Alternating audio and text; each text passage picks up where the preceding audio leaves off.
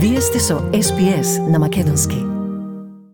Министерот за внатрешни работи Бујар Османи вчера во Брисел на европските пратеници им кажа дека во Македонија има разочарување, незадоволство и паѓање на довербата во Европската Унија.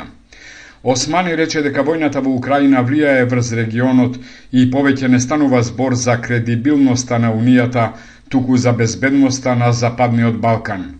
Нарекувајќи го почетокот на преговорите бескраен процес, Османи потенцира дека Македонија е соочена со геополитички земјотрес на кој треба да се одговори соодветно.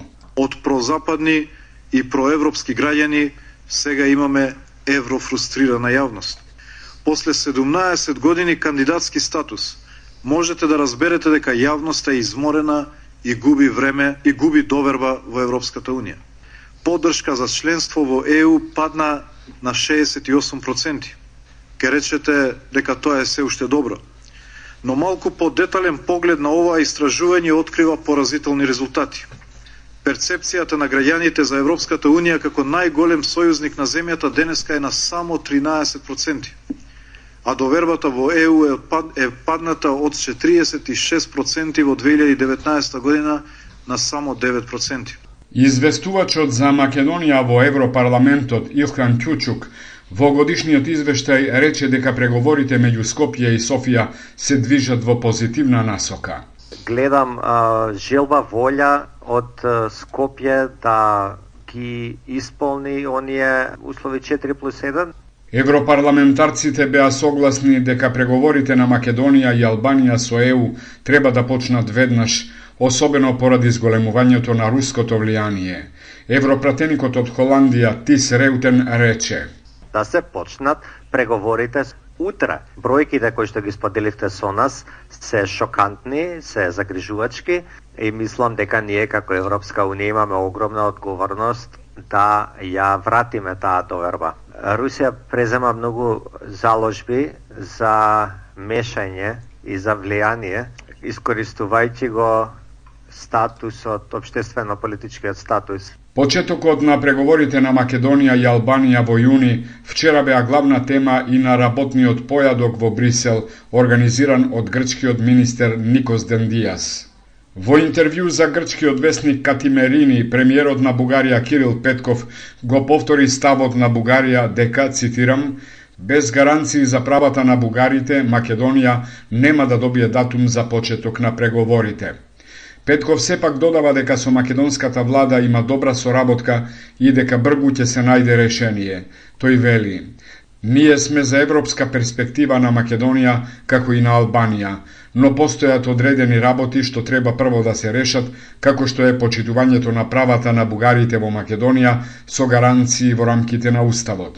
Имаме план и многу добра комуникација со владата на Македонија и се надевам дека брзо ќе одиме напред, изјави за Катемерини Петков. Според предходните изјави и брифинзи од македонската влада, влегувањето на Бугарија во Уставот и не е толку спорно прашање, но македонската страна инсистира тоа да се случи непосредно пред влегувањето на земјава во ЕУ, додека гаранциите би се обезбедиле сега. Премиерот Димитар Ковачевски вчера изјави дека односите меѓу Македонија и Бугарија се во нагорна линија, но има и такви групи кои сакаат работите да течат поинаку. Нивото на комуникација помеѓу официјалните политичари и помеѓу официјалните институции е унапредено и навистина се одвива на ниво на европски вредности.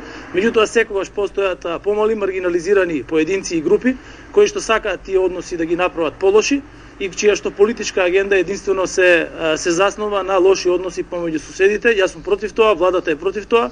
Утре во Скопје во прва официјална дводневна посета доаѓа новата бугарска министерка за надворешни работи Теодора Генчовска, која ќе се сретне со нејзиниот колега Бујар Османи.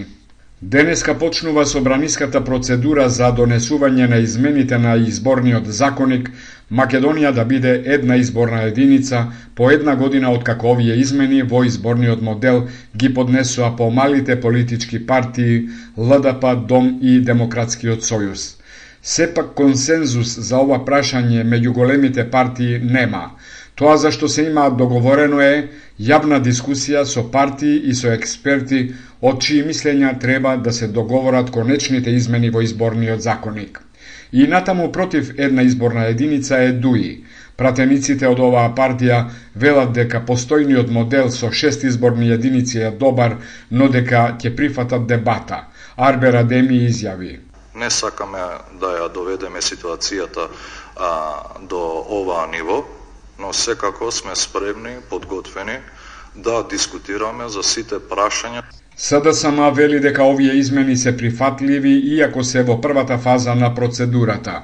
Координаторот на пратеничката група Јован Митрески информира Даваме поддршка за една изборна единица, секако за модалитетите, за прагот, за правичната застапеност на етничките заедници и така натаму, треба да се разговара и за тоа најдобро е да се отвори поширока дебата од сите аспекти, односно собранието да организира јавна расправа на која ќе бидат поканети и експерти, информира Митревски.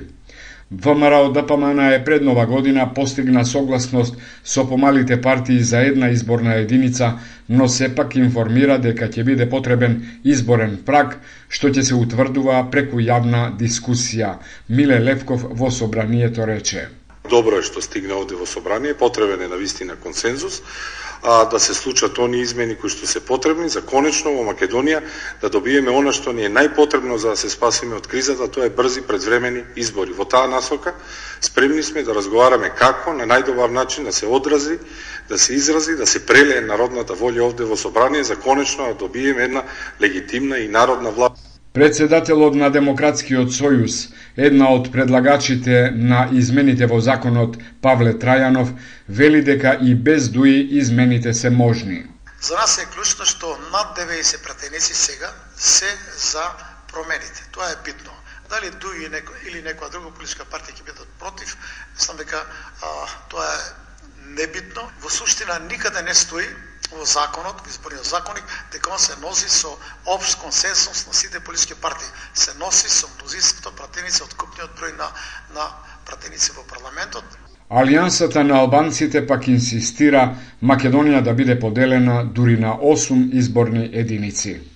Универзитетот Свети Кирил и Методи од Скопје се најде на 1944 место од вкупно 2000 универзитети во светот на Шангајската ранглиста за 2021-2022 година, составена од независната консултантска агенција Шангај Ранкинг Консултанс. Овој универзитет е единствен од Македонија кој се најде на оваа ранглиста – Од регионот на високи места се државните универзитети во Белград на 348-то место, Универзитетот во Лјубљана на 374-то место и во Загреб на 525-то место. Минатата година УКИМ беше на 1917 место, а оваа година има пад од 27 места. Четири лица починаа, регистрирани се 64 нови случаи на COVID-19 од направени 965 тестови, соопштува Министерството за здравство во вчерашниот 24 часовен извештај. Со оглед на многу малиот процент на вакцинирани граѓани во земјава, вчера почна караванот за вакцинација – Првата општина во која гостуваше беше Шутово Ризари Скопје и во следните две недели ќе опфати 14 општини низ државава. Сакате ли да чуете повеќе прилози како овој? Слушате подкаст преку Apple Podcasts, Google Podcasts, Spotify или од каде и да ги добивате вашите подкасти.